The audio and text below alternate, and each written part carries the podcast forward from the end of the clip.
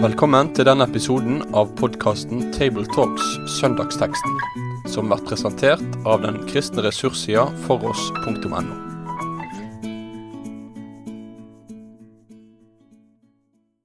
Velkommen til en eh, ny episode av Tabletalks.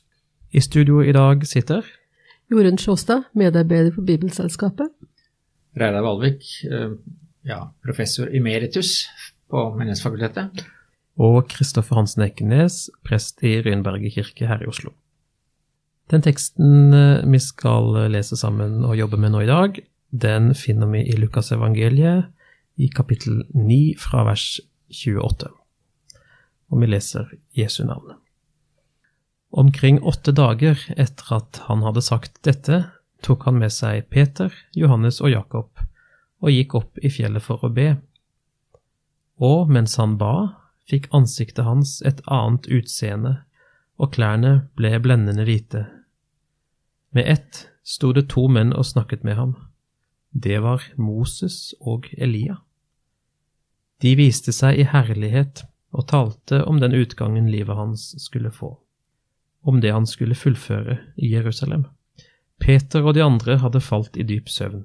Nå våknet de og fikk se hans herlighet og de to mennene som sto sammen med dem. Da mennene skulle til å forlate ham, sa Peter til Jesus, Mester, det er godt at vi er her. La oss bygge tre hytter, en til deg, en til Moses og en til Elia. Han visste ikke selv hva han sa. Mens han talte, kom det en sky og skygget over dem, og da de kom inn i skyen, ble de grepet av frykt. Det lød en røst fra skyen. Dette er min sønn, den utvalgte, hør ham. Og da røsten lød, var det ingen annen å se, bare Jesus. Disiplene tidde med dette. På den tiden fortalte de ikke til noen hva de hadde sett. Det var teksten vi nå har for oss, og denne søndagen har da fått navnet Kristi forklarelsesdag. Da skjønner vi òg ut ifra teksten at her skjer det noe som ikke var hverdagskost kanskje for disiplene der de gikk sammen med Jesus. Det er jo en veldig spesiell hendelse, dette. De er ute og går uh, sammen med Jesus, sånn som de har gjort hele tida. Drar opp i fjellet for å be. Og mens de er der, altså, så opplever de at Jesus blir helt, helt forvandla for dem. Ingen uh, vanlig dag, tror jeg vi må si. Dette er jo en uh, hendelse som vi finner Den er jo gjengitt i de to andre synoptiske evangeliene òg kommer der er jo like etter at Jesus har talt om sin døde oppstandelse og presentert for disiplene hvilke omkostninger det knytter seg til det å være en disippel. Så det er jo en slags sammenheng der. Død oppstandelse, det er jo, det er jo tematikken de snakker om her på fjellet. Så her eh, ser vi at det er stor sammenheng og likhet mellom de tre synoptiske evangeliene. Men vi må snakke litt om, eh, om Det gamle testamentet når vi skal eh, se på denne teksten, for her er det jo ikke bare dukker Moses og Elia opp, de to store heltene, nærmest fra Det gamle testamentet, men der er jo òg mye annet som, som, trenger litt forklaring fra, fra, Det gamle testamentet. Så vi begynner kanskje der. Ja, det er jo det er mange eh, referanser her som peker tilbake til Det gamle testamentet. Det at Jesus går opp på fjellet, det gir jo kanskje en naturlig assosiasjon til eh, det fjellet som spiller en stor rolle i eh, Det gamle testamentet, nemlig Sinai, der Gud åpenbarte seg for Moses. Så allerede det å gå opp på fjellet kan gi den assosiasjonen. Dessuten så er jo da også Moses til stede her, eh, i tillegg til Elia. Og også om Elia så fortelles det jo at han eh, var på fjellet Horeb, på Guds fjell, i første kongebok 19 og der åpenbarer Gud seg for ham. Så det tror jeg er en sånn viktig um, bakgrunn her, at Gud åpenbarer seg på fjellet for Moses og for Elia, og så åpenbarer han seg på den måten at han åpenbarer hvem Jesus er, uh, på fjellet her i denne teksten. Nettopp. Og når da, når da Gud åpenbarer seg sjøl, dvs. Si han åpenbarer da sønnen, og så skjønner vi at det er jo veldig De to er jo så tett knytta sammen at de faktisk er ett. Eh, så skjer det i form eh, av en sky som senker seg, og det er jo en sånn veldig eh, vanlig ting hvis vi leser Det gamle testamentet, hvor skyen blir symbolet på, på Guds nærvær. Tenker på sånne eksempler som tempelinnvielsen i første kongebok 8, innvielsen av tabernaklet i ørkenen i andre Mosebok 40, og når Israels folk går i ørkenen, så det jo, står det jo der at eh, Herren leder de gjennom ørkenen i form av en skysøyle. Eh, så her er det masse Det går mye på sky. Eh, Jesaja møter Gud i tempelet. Da kommer det sky, og da kommer det røyk. Og Esekiel det samme, i Esekiel 10. Og i Det nye testamentet, i åpenbaringsboka, så er dette med røyk og sky noe som opptrer når Gud dukker opp. Og da sitter jeg og lurer på hvorfor er det sånn? Hvorfor denne skyen? Hva skal være poenget med det?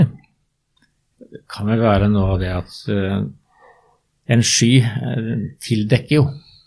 Uh, det henger sammen med det grunnleggende utsagnet i Det gamle testamentet at ingen kan se Gud og leve. Så det å, å se Gud direkte, det vil være en umulighet. Derfor er Guds nærvær altså tilsløret med denne skyen. Men det som jo blir viktig i denne teksten, er at han lar seg høre, eh, selv om han ikke lar seg se. Man får se Sønnen i sin herlighet, men man hører bare Guds røst. Mm. Moses fikk jo se Gud, men han fikk se han bakfra. Ja. Og da har han også hørt stemmen, eller ikke stemmen, han har hørt det som Gud sendte, både stillheten og stormen. Motsatt rekkefølge. Så det er det at eh, det er vel bare bekreftelse av at ingen kan se Gud og leve av? Nei, og det, og det, er jo tydelig, altså I Det gamle testamentet så er jo dette så, så Det sitter så dypt at uh, Jesaja ble jo helt fortvilet ved meg, uh, som da har fått sett Gud på en eller annen måte hvor hvordan akkurat det artet seg, vet vi ikke, men iallfall så var det noe da som hoppsig, brøt en, en, en grense. Og som du sa, Moses ser han bare bakfra. Og så er da poenget i Det nye testamentet at i Jesus Kristus så har vi sett Gud selv, egentlig. Det er han som viser oss hvem Gud er, for å sitere fra Johannes 1. Men du ser jo også det paradoksale i denne teksten, da, at Jesus lett seg Altså, de får se Gud. De ser Gud uten at de er klar over det, på en måte. Fordi at de ser Jesus. Mm. Sånn som det står helt til slutten i, i, i teksten. Ja, og det er, en, det er, jo en, interessant sammenheng å spore hvis vi går litt bakover i Lukas kapittel 9 her. Så skal vi ikke så mange vers tilbake før Jesus og disiplene snakker sammen, hvor temaet for samtalen er nettopp eh, Hvem er du, Jesus? Eh, da er det Jesus først som spør, da. Han sier hvem, hvem sier folk at jeg er? Eh, og så gjengir de ulike svar døperen Johannes, Elia, en av de gamle profetene som er stått opp. Og så sier Jesus, og dere, hvem sier dere at jeg er? Og da er det Peter som svarer på vegne av disiplene, du er Guds Messias. Og så går det da noen vers, og i, i fortellingsløpet går det noen dager, eh, og så får de denne opplevelsen. På, de får jo bekreftelsen, da, så å si, på, på det som de har bekjent noen vers tidligere, noen dager før. Ja, han er virkelig Guds Messias, han er Guds sønn. Gud sjøl bekrefter det for dem. Eh, og det er jo ganske viktig, spørsmål om hvem Jesus er. Det er jo evig aktuelt, eh, hadde nær sagt, i dobbelt forstand. Evig fordi vi fortsatt diskuterer det. Mange diskuterer det, og, e evig fordi det har med, med, frelsen å gjøre, selvfølgelig. Ja, en, denne sammenhengen er jo interessant fordi vår tekst øh, viser da tydelig at øh, folks oppfatninger av hvem Jesus var, det var feil. Altså, han var ikke Elia. Elia er en annen person som er tydelig adskilt i, i vår tekst fra, fra, Jesus. Og at han var en av profetene, da kunne man jo tenke seg en profet lik Moses. Um, og da er det igjen dette at nei, denne Jesus som blir åpenbart på fjellet, er en, en annen. Det er faktisk ganske tydelig, og litt sterkt nesten, når du har først Moses og Elia og Jesus. De står der og samtaler, og så kommer skyen med Guds nærvær og Gud sier 'dette er min sønn', og når skyen letter, så er de to gamle, store, gammeltestamentlige figurene, de er borte. Det er akkurat som at det foregår en slags sånn en type stafettveksling, hvis en ser for seg det. Først har Moses hatt sin tid, og så Elia. Men nå, nå er det Jesus som det gjelder. Nå er det han som alt vil dreie seg om herfra og videre. Det er et ganske sånn sterkt og viktig skille på en måte i frelseshistorien, det som skjer her, da, tenker jeg meg, med denne her, ja, hva skulle vi si, toppmøtet, er det noen som har kalt det, med de, de to skikkelsene, da, altså, de to store, viktige personene, for ikke si de tre, eh, hvor den tredje blir stående, eh, og er den evig gyldige. Det er ganske voldsomt og, og viktig, da. Ja, jeg tror det er et, et, et viktig poeng der. For, når Moses og Elia altså dukker opp, så kunne man tenke ok, dette hører til de store skikkelsene. Men som du sa, til slutt så blir bare Jesus stående. Og når da himmelrøsten sier 'hør ham', så betyr det jo at det er han som nå er den autoriserte utlegger av både Moses og profetene. Jeg tenker på slutten av, Johannes, av um, Lukasevangeliet, i kapittel 24 med Emmausvandrerne, så står det at Jesus uh, la ut skriftene for dem. Det er han som er den som kan tolke både Moses og profetene. Jeg tror det er et uh, viktig poeng med å når det understrekes at det er han man skal høre på, det er han som gir den rette forståelse av uh, Guds ord, for å si det sånn. Men det er jo ikke sikkert at disiplene skjønte det. Jeg tenker de valgte først å si ingenting. Altså, de tidde med det de visste. Det er ikke sikkert de visste hvordan de skulle forstå det, selv om de hørte at, at, Gud sa, eller at røsten sa, at 'dette er min sønn, den utvalgte, hør ham'. Så er det ikke sikkert at de tør å, å tro at ja, bare vi hører på han, så behøver vi ikke i hermetegn å bry oss om Moses og Elia. De visste ikke hvordan de skulle forstå det her før etter Jesu oppstandelse. Ja, Det tenker jeg er jo et viktig poeng, eh, og jeg er jo ofte opptatt av det for min egen del òg, at når vi eh, sitter og leser om disse hendelsene, så sitter vi på en måte med fasiten her i ettertid og vet jo så godt hva dette skal bety. Men for de som satt der eh, og som nettopp hadde sovet, står det jo faktisk i teksten. Når de våkner, så får de se Jesu herlighet. Det må ha vært en veldig ja, voldsom opplevelse for dem, så at de ikke helt skjønte helt hva de hadde sett, og langt mindre torde helt å stole på det kanskje i dagene som fulgte, og tida som fulgte, det, det kan vi jo tenke. Og samtidig så skjer det jo noe med de litt senere, da, når Jesus endelig står opp, eh, og de får møte han igjen, så kjenner de antagelig igjen noe av den glansen fra fjellet, så å si, da, så de ser en her en slags sammenheng. Eh, og får den frimodigheten som de etter hvert eh, gikk ut i hele verden med og fortalte at jo, han er virkelig den som han sa at han var. Så det har vel vært en sånn skrittvis prosess antagelig for de som jeg tenker er mye lett går glipp av da, vår, når vi leser disse tingene. Men også når vi leser, så ser vi jo det i evangeliet. Det er jo gjennomgående at Jesus eh, så å si rettesetter disiplene, fordi de, de forstår ikke. Enda han utlegger og gjør tegn og under og sånn, så, så, forstår de ikke og, og er uh, ganske så sløve. Og det er kanskje et slags eh, tegn på det samme i denne søvnen som uh, falt over dem her, at det er et tegn på denne åndelige søvn og lite forstand. Det er nemlig en litt sånn litt merkelig ting i uh, Når de da våkner opp, så sier Peter til Jesus 'Mester'. Og det er bemerkelsesverdig at en av disiplene tiltaler Jesus som mester, for det er nemlig gjennomgående i evangeliet at mester det er en betegnelse som brukes av folk som er utenforstående.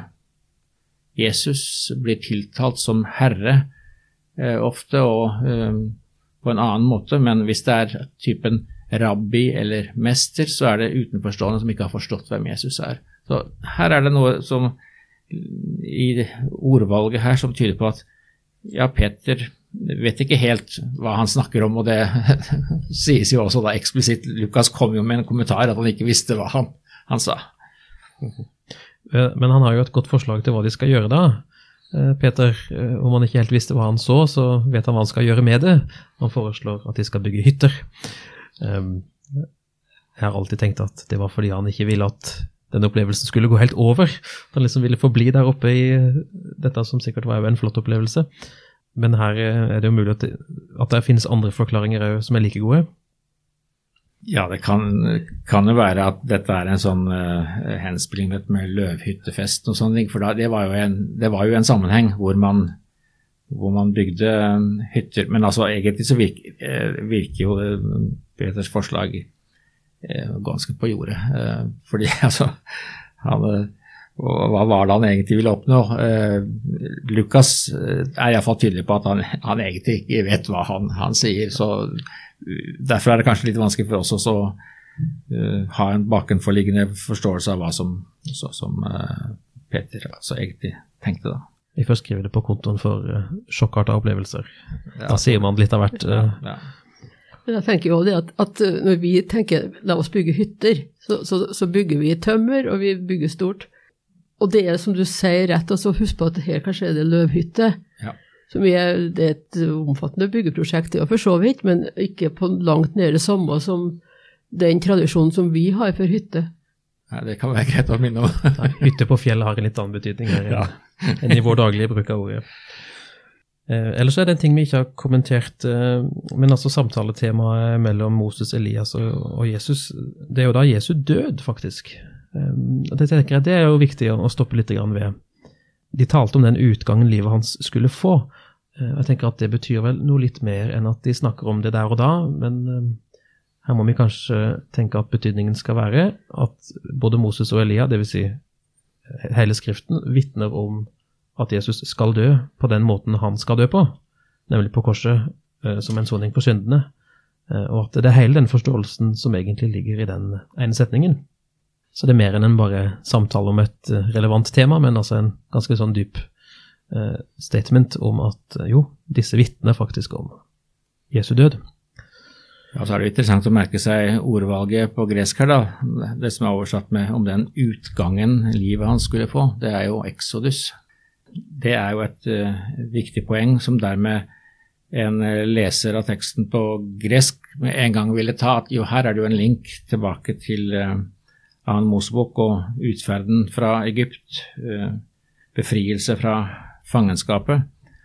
Og eh, når man ser på Jesu gjerning, bl.a. i lys av hans eh, preken i synagogen i Nasaret i Lukas 4, så er jo et viktig poeng at Jesus er kommet for å sette fanger fri. Altså hele hans gjerning kan ses under synsvinkelen befrielse fra Satans makt, fra demoner, fra sykdom osv. Og, så og det viser seg jo da eh, til slutt eh, ved oppstandelsen at han bryter også dødens lenker.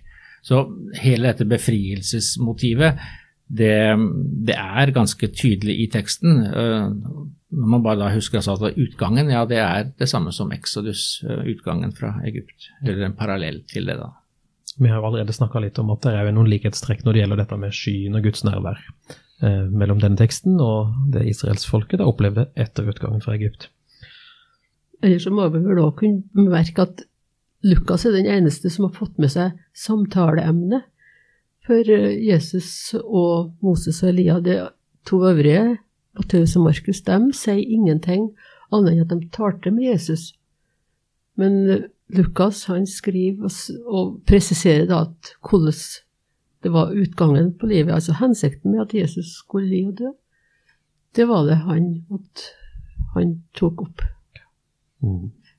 Så det er en ting til vi gjerne kunne snakke litt om. Når det handler om Guds nærvær, så er jo det i Det gamle testamentet en relativt eh, faretruende sak, som vi har vært litt inne på. Ingen kan se Gud og leve. Men så eh, ser jo disiplene her nå Jesus i sin fulle herlighet, eh, og så snakkes det om Jesu død på fjellet. Og da går mine tanker i hvert fall til en eh, viktig detalj som alle de tre synoptiske evangelistene tar med når Jesus dør, for de skriver alle at etter at han er død, eller idet han dør, så revner forhenget i tempelet.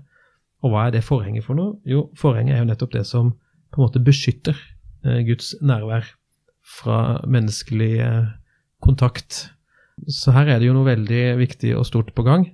Eh, I og med Jesu død så, så revner, altså det oppheves det skillet, dvs. Si, av hans død, hans blod og offer, eh, så er det mulig å nærme seg Gud eh, uten frykt for eget liv. Det er jo noe som er nytt, og som Jesus for første gang bringer. Det kan en lese ganske tydelig i Hebreerne kapittel 9 og 10, som jo har vært en, et studie i seg, hvis, hvis, du har tid til det en gang. Lese Hebreerne 9 og 10, som veldig tydelig får frem akkurat dette her poenget med Eh, Jesus som skaper vei inn dit hvor det ikke før fantes en vei, eh, hvor det faktisk var farlig å være. Så det kunne jeg tenke meg å bare nevne nå mot slutten. Det er vel et par andre poeng også som kanskje vi kan ta med, eh, for dette er jo en sånn veldig innholdsrik tekst. Jeg tenker på starten her, hvor det altså understrekes at Jesus tok med seg disiplene opp på fjellet for å be. Det er, sånn, det er, det er Lukas som er alene om akkurat den mm. biten. Fordi Jesus ved uh, mange anledninger trekker seg tilbake for å be. Nå har han tatt med seg tre av disiplene, men de sovner, så de gjør ikke så veldig mye ut av, av den situasjonen. Men så står det da mens han ba, fikk ansiktet hans et annet utseende. Vi har jo en parallell til dette, altså i, eh, i annen Mosebok når eh, Moses kom ned fra fjellet, så står det jo at det strålte av ansiktet hans. Og det betyr altså at uh, i møte med Gud så, så endres altså utseendet. Og det er det som da skjer også i denne teksten. I, Jesus er i et nært møte med Gud, eh, og så får vi da etter hvert avslørt også enda mer om hvem han er. Han er eh, Guds sønn, som det blir proklamert da i, eh, med denne himmelrøsten. Ja, og med det så skal vi straks gå inn for landing. Nå har vi vært veldig mye i Det gamle testamentet i denne samtalen, for den som skal preke over denne teksten eh, i rammen av en eh, vanlig søndagsgudstjeneste eller et søndagsmøte, så er det jo, tenker jeg det er en utfordring å finne den rette blandinga her, sånn at den ikke bare er på, på grave- og oppdagelsesferd i Det gamle testamentet, men at den faktisk lykkes i å forkynne det som er en sånn sentral oppsummeringssetning her i, i denne teksten, som vi har vært inne på, nemlig vers 35. Guds røst som sier 'Dette er min sønn, den utvalgte. Hør ham'. Sånn at alt det vi nå har gravd frem og gjort tilgjengelig, er jo egentlig bare for å understreke det enkle og viktige poenget eh, som enhver forkynner over den teksten egentlig da kan prøve å holde fast ved og løfte frem etter beste evne. Jesus er Guds sønn, den utvalgte.